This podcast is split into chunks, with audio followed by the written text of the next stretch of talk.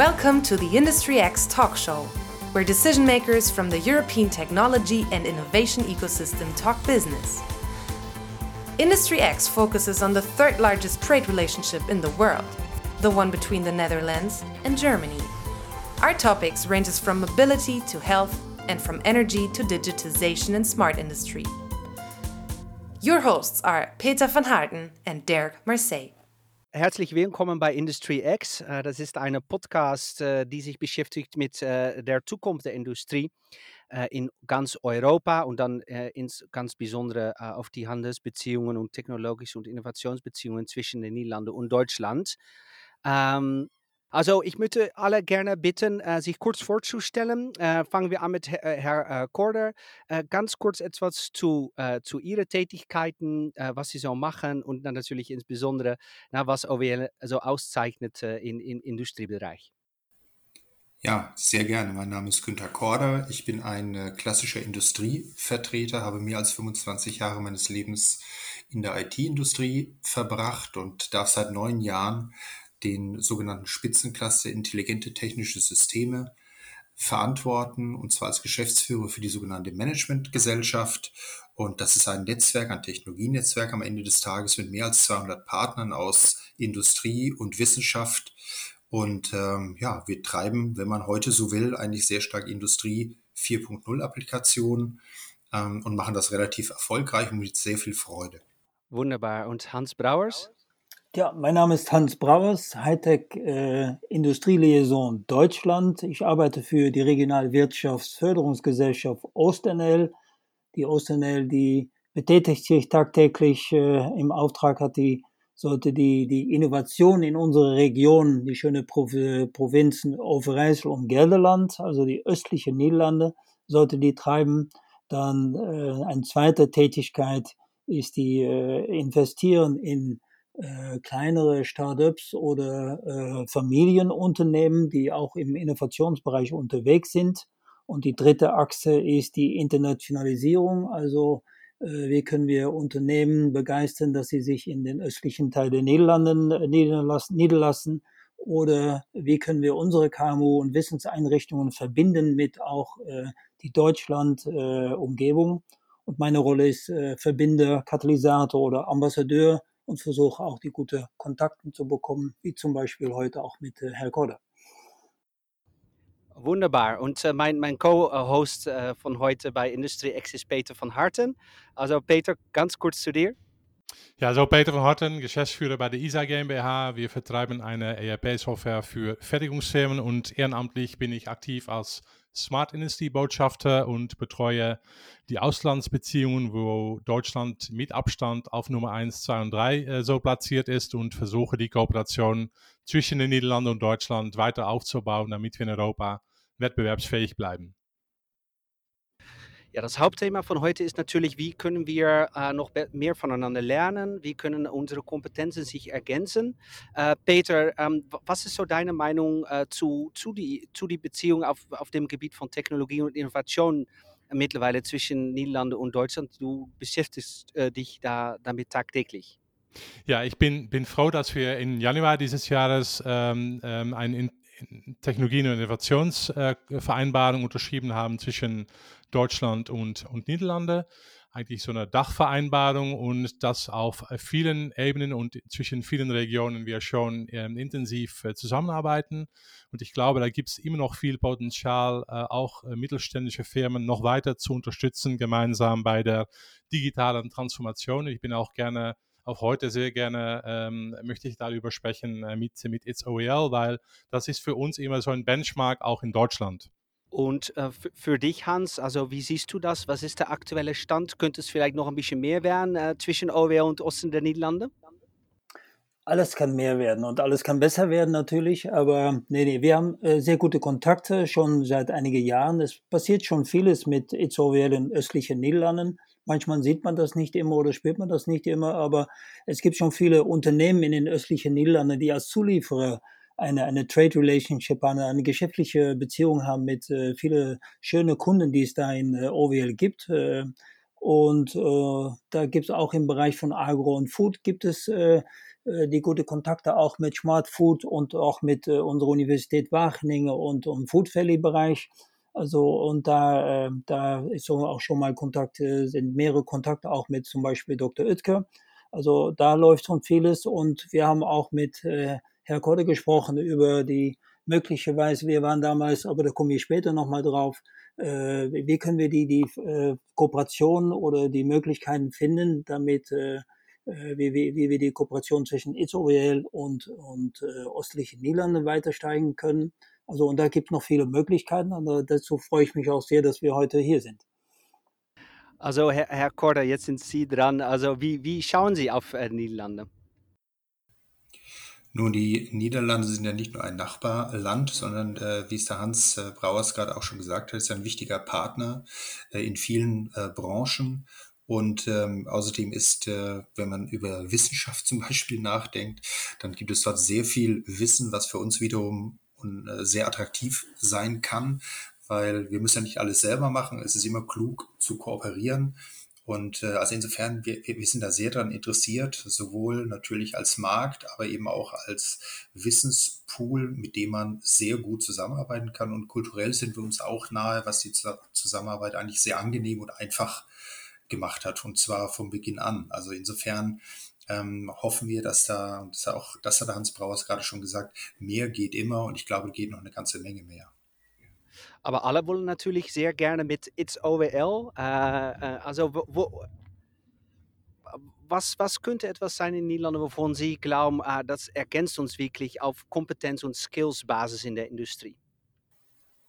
Also ich meine, dass wir äh, zum zum Beispiel ähm, komplementäres Wissen haben im Bereich der Mikroelektronik.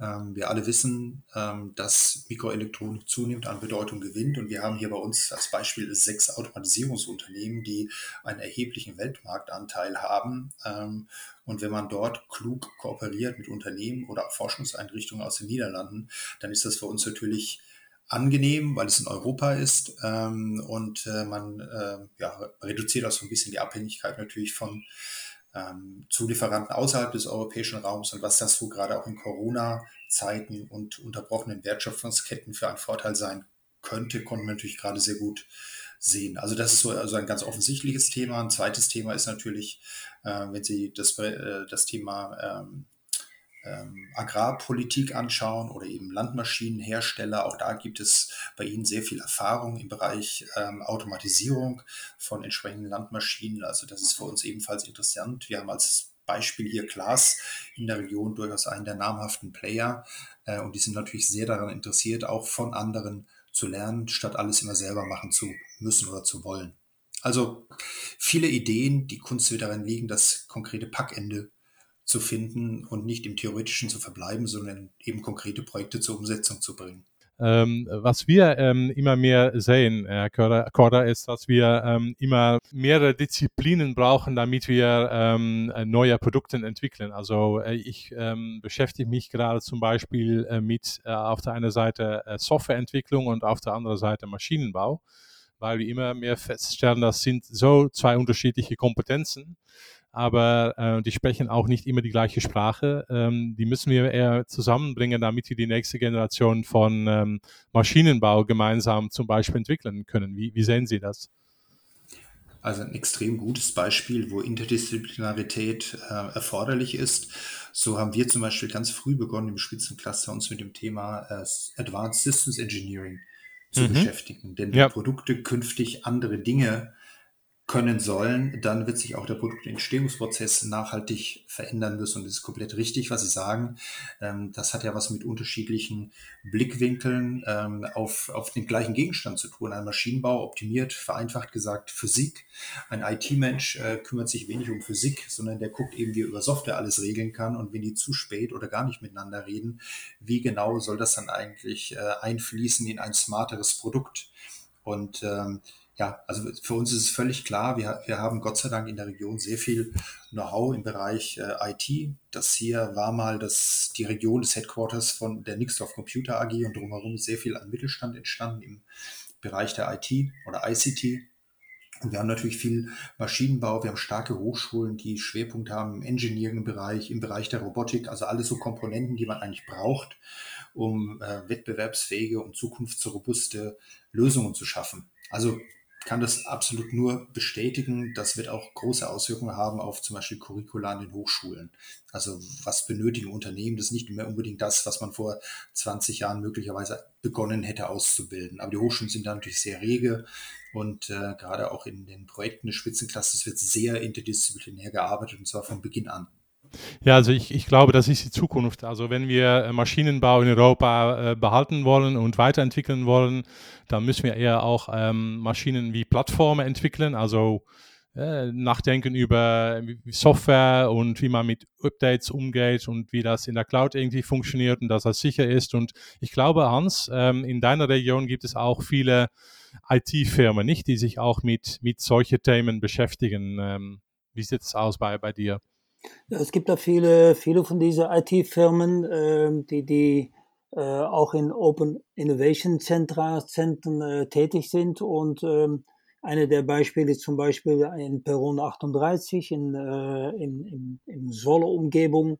Da gibt es auch äh, einige Großunternehmen, Industrieunternehmen, und die machen da in Zusammenarbeit mit äh, Studenten von der Hochschule machen die sich da bereits über dieses interdisziplinärisch äh, Frag, Frag, Fragstücken und ähm, die bauen da so die, äh, die Demonstrators und die Neulösungen, die man dann auch wieder in der Praxis anwenden möchte.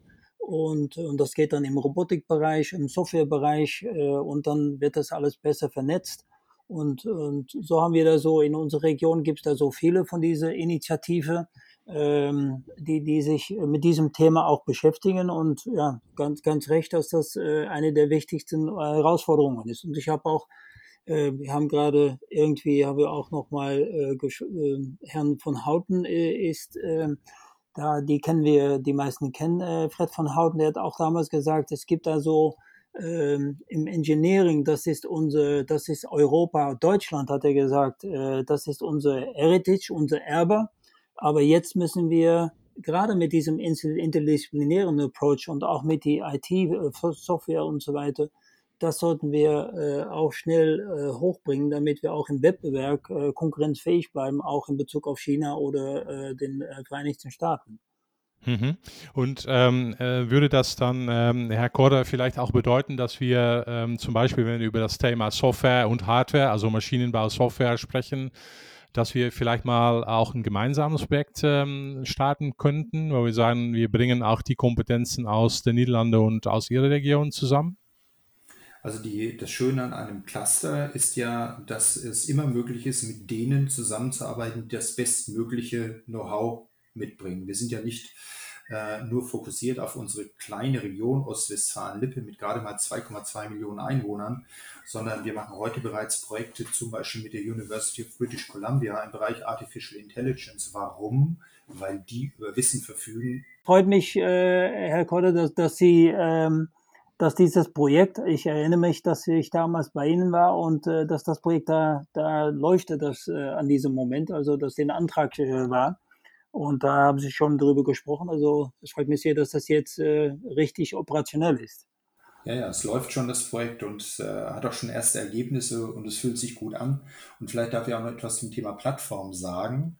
Ähm, gerade vorhin wurde ja gesagt, Mensch, Plattformen spielen eine größere äh, Rolle auch für Maschinenbau. Wir haben ein zweites sehr großes Projekt und da geht es genau um Digital Business auf Basis von Plattformen dann, es geht nicht darum, eine Plattform zu entwickeln, sondern gerade auch Industrieunternehmen fit zu machen.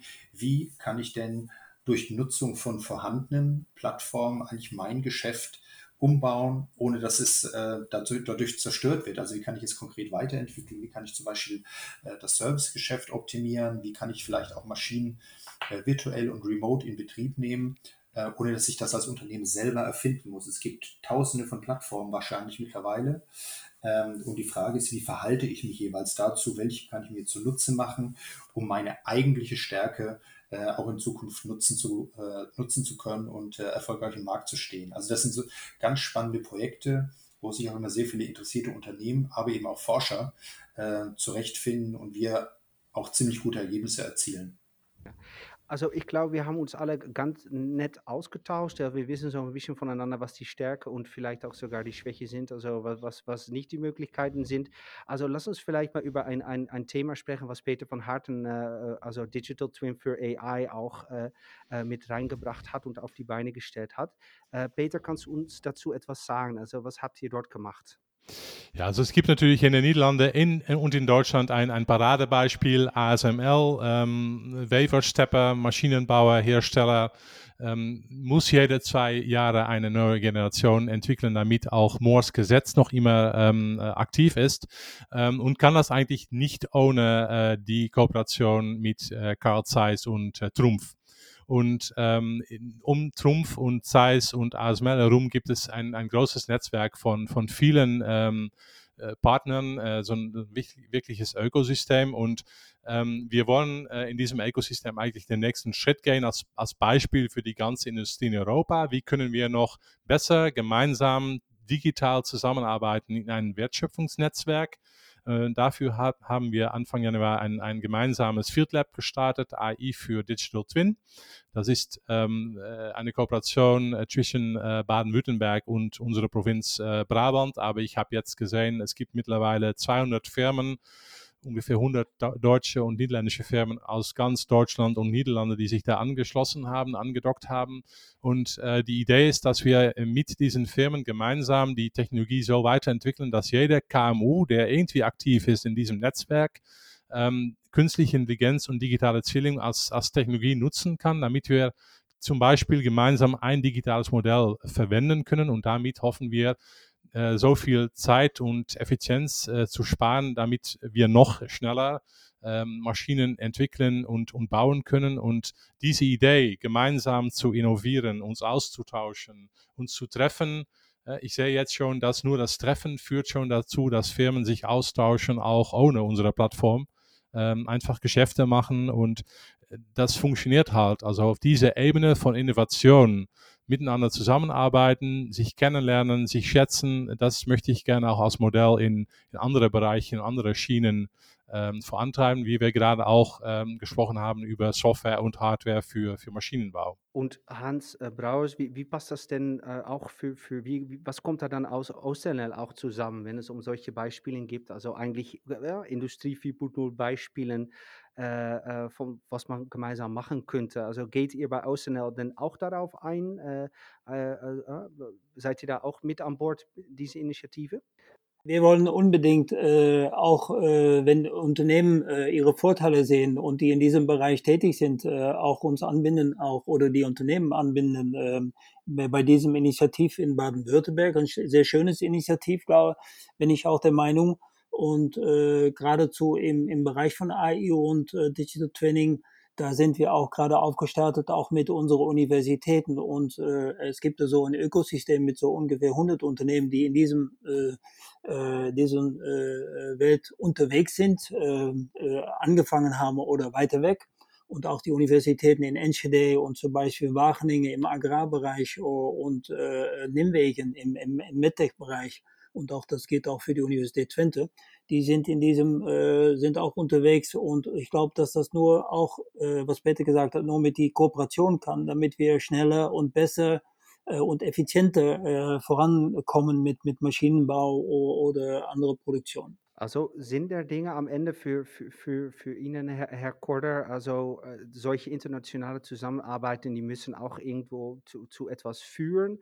Äh, sehen Sie, also wenn es um dieses konkrete Beispiel geht, auch einen Nutzungswert für OWL?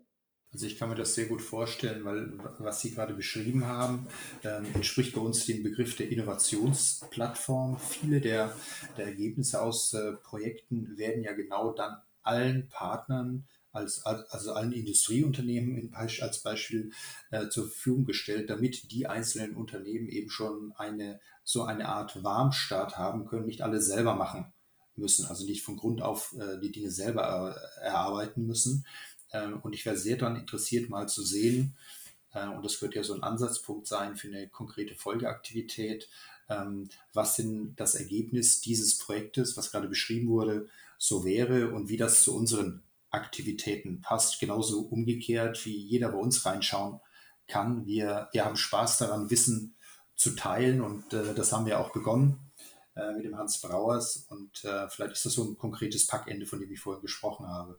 Also auf jeden Fall äh, extrem interessant für uns. Ja, Peter? Ja, super. Also ähm, wir denken immer mehr in Wertschöpfungsnetzwerke. Also wie können wir die wichtigste Wertschöpfungsnetzwerke, ob es jetzt Elektronik ist, Maschinenbau und so weiter, weiterentwickeln in Europa. Wir machen gerade auch ähm, eine Studie zusammen mit Statista, wo wir auch die zukünftige Netzwerke versuchen irgendwie äh, im Blick zu bekommen und wollen auch zusammen mit Deutschland schauen, wie können wir diese Netzwerke weiter ausbauen und dann brauchen wir auch diese Netzwerke zu starken, äh, zu stärken, äh, sorry, damit auch die äh, mittelständischen Firmen, die da auch ganz wichtig sind, auch mitmachen äh, können. Also gerne äh, nehme ich die, ähm, die Einladung ein, äh, dass wir schauen, wie wir enger kooperieren können.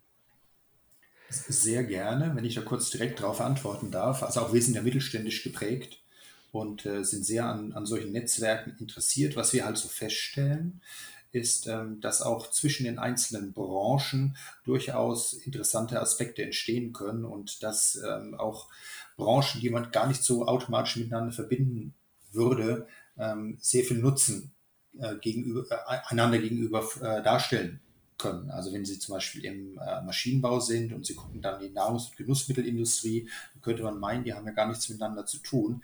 Und wir stellen eben fest, dass es da ganz viele Dinge gibt, die sehr, sehr äh, viel Sinn machen, wenn man die zusammen macht, zum Beispiel Technologie-Scouting als, als ein Beispiel. Denn alle setzen Technologie ein, nur halt in unterschiedlicher Art und Weise. Ähm, und insofern lassen Sie uns das gerne so machen, dass äh, wir uns mal näher beschnuppern und schauen, was so Ergebnisse Ihres Projektes wären und was Sie vielleicht auch von uns nutzen könnten. Ja, vielen Dank. Also Stichwort Europa. Ähm, ähm, also ähm, die, die Analyse ist immer gewesen, äh, Produktivität muss steigern, da muss besser zusammengearbeitet werden. Aber wir sehen auch, also in den Niederlanden, ähm, äh, dass äh, nur ein Kleinteil der Firmen in der Mittelstand auch tatsächlich in der Lage ist, solche Sachen umzusetzen. Und ich fand es so interessant, dass Sie über Netzwerke und ein Ökosystem gesprochen haben, weil in, äh, in OWL ähm, meistert man diese, äh, die, die, diese Aufgabe. Ne? Und was ist denn äh, Ihrer Meinung nach das Erfolgsgeheimnis in OWL, warum so viele Firmen auch tatsächlich in der Praxis in der Lage sind, äh, neue Technologien und Innovationen umzusetzen? Also ich glaube, es gibt keine Geheimformel, sondern es hat ganz viel damit zu tun, also mit der Struktur. Wir haben in der Region sehr viele ähm, inhabergeführte Unternehmen oder zumindest Unternehmen, die noch in Familienbesitz Besitz sind, die eben über deutlich längere Zeiträume daran interessiert sind, ein Unternehmen nach vorne zu entwickeln. Das sind halt keine Stocklisted Companies, die äh, auf das Quartalsergebnis nur schauen.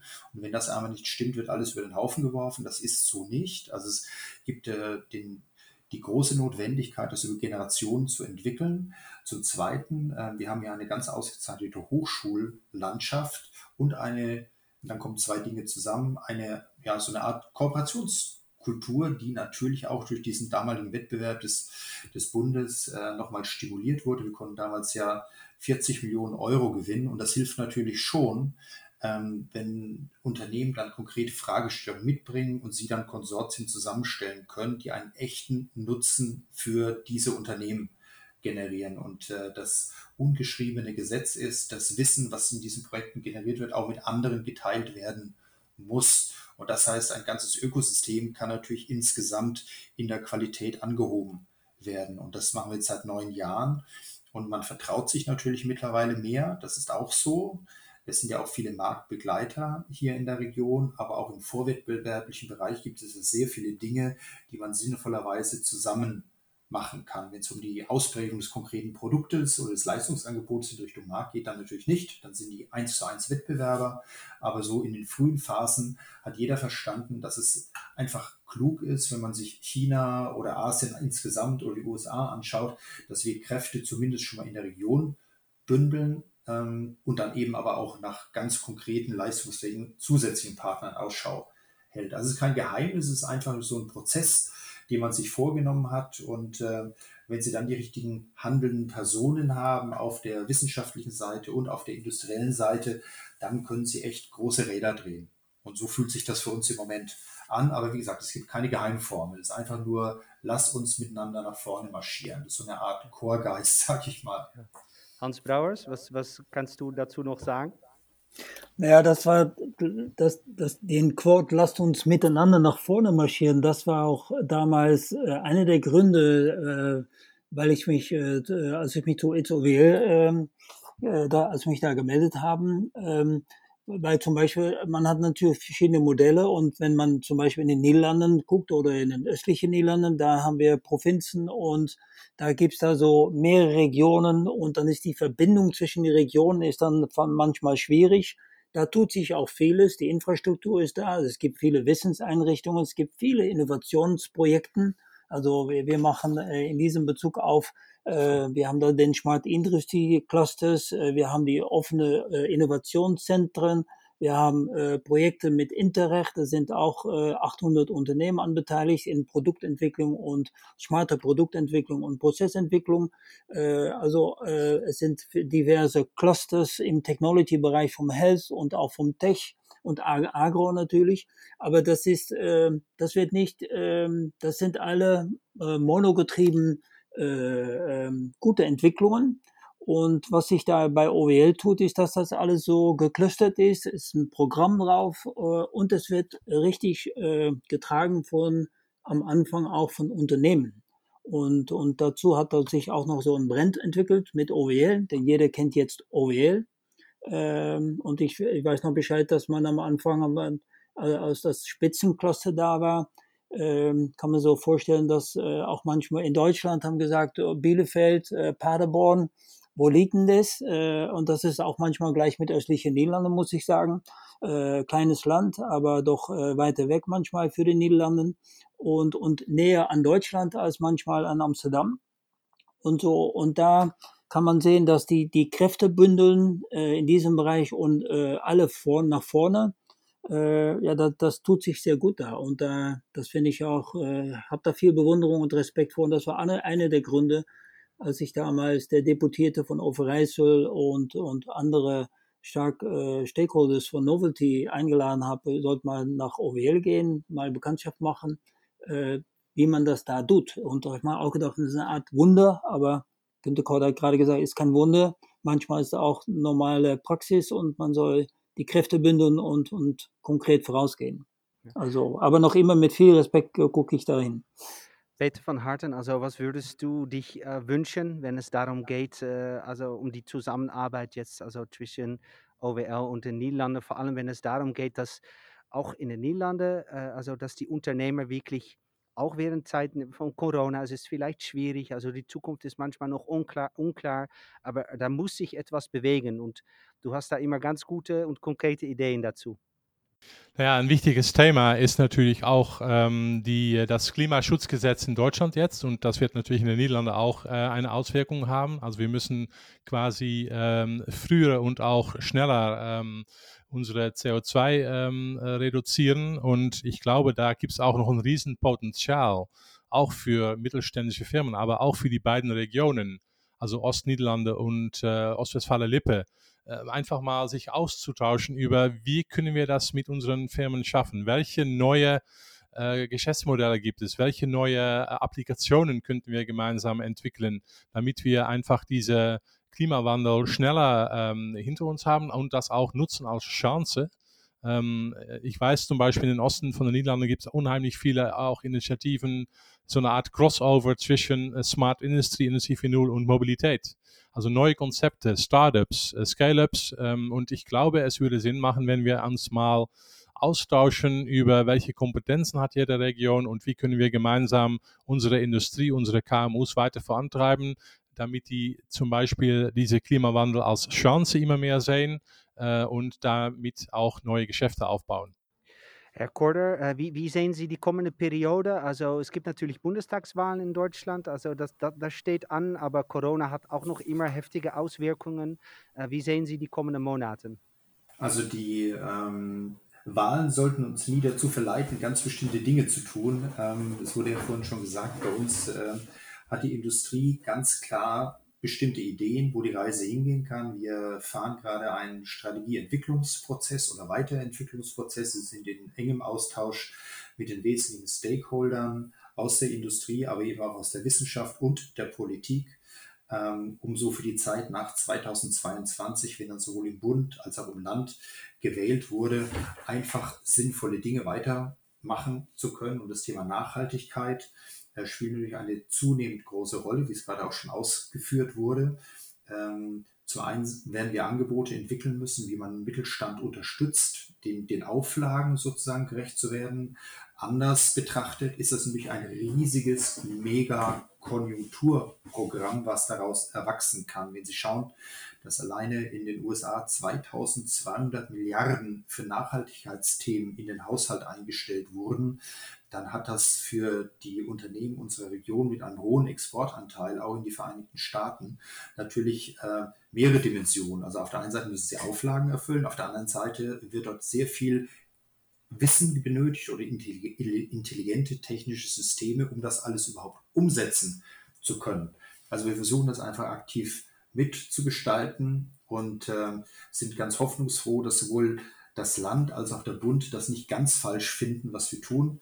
Wir haben damals, das habe ich ja zu Anfang gesagt, diese 40 Millionen gewonnen. Nach fünf Jahren war diese Förderung ja zu Ende.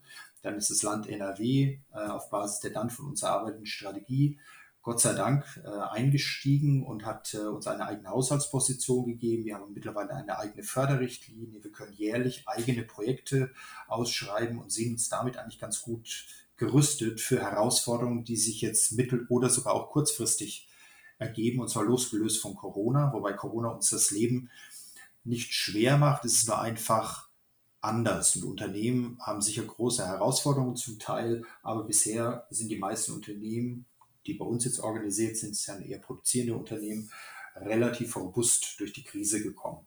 Und insofern mussten wir nicht vom Gaspedal gehen, sondern wir konnten einfach ganz normal und dynamisch weiter agieren. Also wir sind äh, äh, mittlerweile auch äh, schon wieder mehr als eine halbe Stunde in diesem Podcast unterwegs. Ähm, ich möchte gerne jede von, von, von euch und von Ihnen die, die Chance bieten, noch äh, als Abschlusswort etwas zu, zu, zu sagen. Äh, vielleicht wie die kommende Periode aussehen soll. Äh, also Hans Brauers, könntest du vielleicht anfangen? Ja, vielleicht auch, was der, was Gorde gerade gesagt hat ähm, über diese strategische Planung. Ähm, möchte nur mal gerne erwähnen, dass wir gerade unser strategisches Investitionsprogramm äh, auf die Schwerpunkte von unserer Region, dass wir die gerade fertig haben. Äh, und ich äh, wenn, wenn das okay ist, dann werde ich das dir schicken, äh, damit du mal sehen kannst, wo die Schwerpunkte äh, für uns in den kommenden Jahren liegt, auch im Wissensbereich, in Digitalis Digitalisierung von Agrar, zirkulär und natürlich auch ähm, im Food. Ähm, also da gibt es da alle Themen. Und ich glaube, dass wir, damals haben wir auch mal gesprochen über, äh, wie du das bewertest hast, dass das Startup-Ökosystem äh, in unserer Region sehr gut äh, aufgestellt ist und da gibt's so, dann bin ich mir sicher, dass das so einige Themen gibt, worüber wir dann äh, mal uns über, unterhalten, unterhalten können, äh, um da mal zu sehen, wie wir das äh, weiter vorantreiben können. Ja, ich wünsche mir einfach, dass wir die großen, ähm, wirklich großen, wichtigen Themen mehr gemeinsam angehen würden, äh, wie ich gerade eigentlich schon angesprochen habe. Also auch die, die Crossovers zwischen Hightech, Industrie, Mobilität, Gesundheitswesen, Bauwesen, äh, klimaneutral. Ähm, ich glaube, da gibt es noch so viel Potenzial, ähm, was einfach zu viel Potenzial ist, wenn wir das alle alleine machen müssen. Aber wenn wir das gemeinsam vorantreiben würden, so interregional, die Kompetenzen der beiden Regionen zusammenbringen, dann glaube ich, dann würde etwas sehr Schönes entstehen.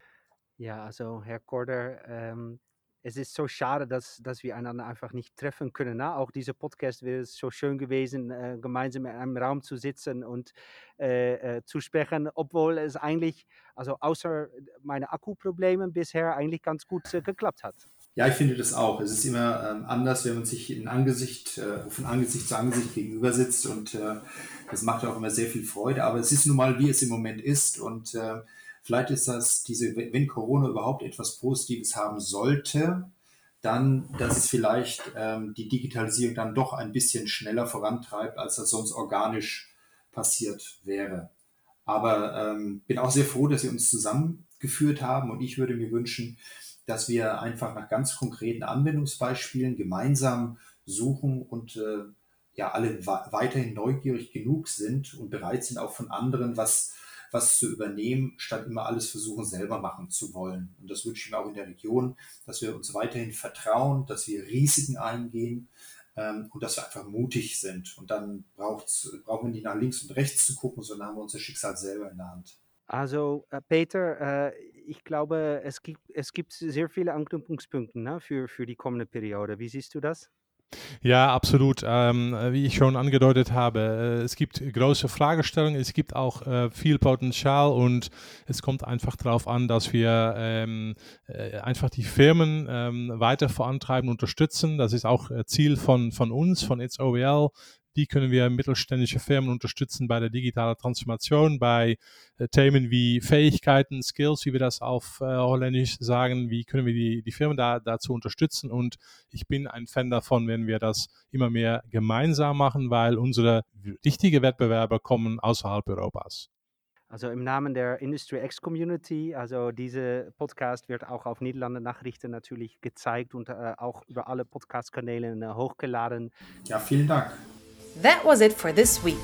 Thank you for listening to the Industry X talk show produced by creative agency Theater of the Mind in collaboration with Niederlande For more episodes, follow us on our website, Twitter, or LinkedIn. The information can be found in the description of your podcast service of choice. Auf Wiedersehen. Tot ziens!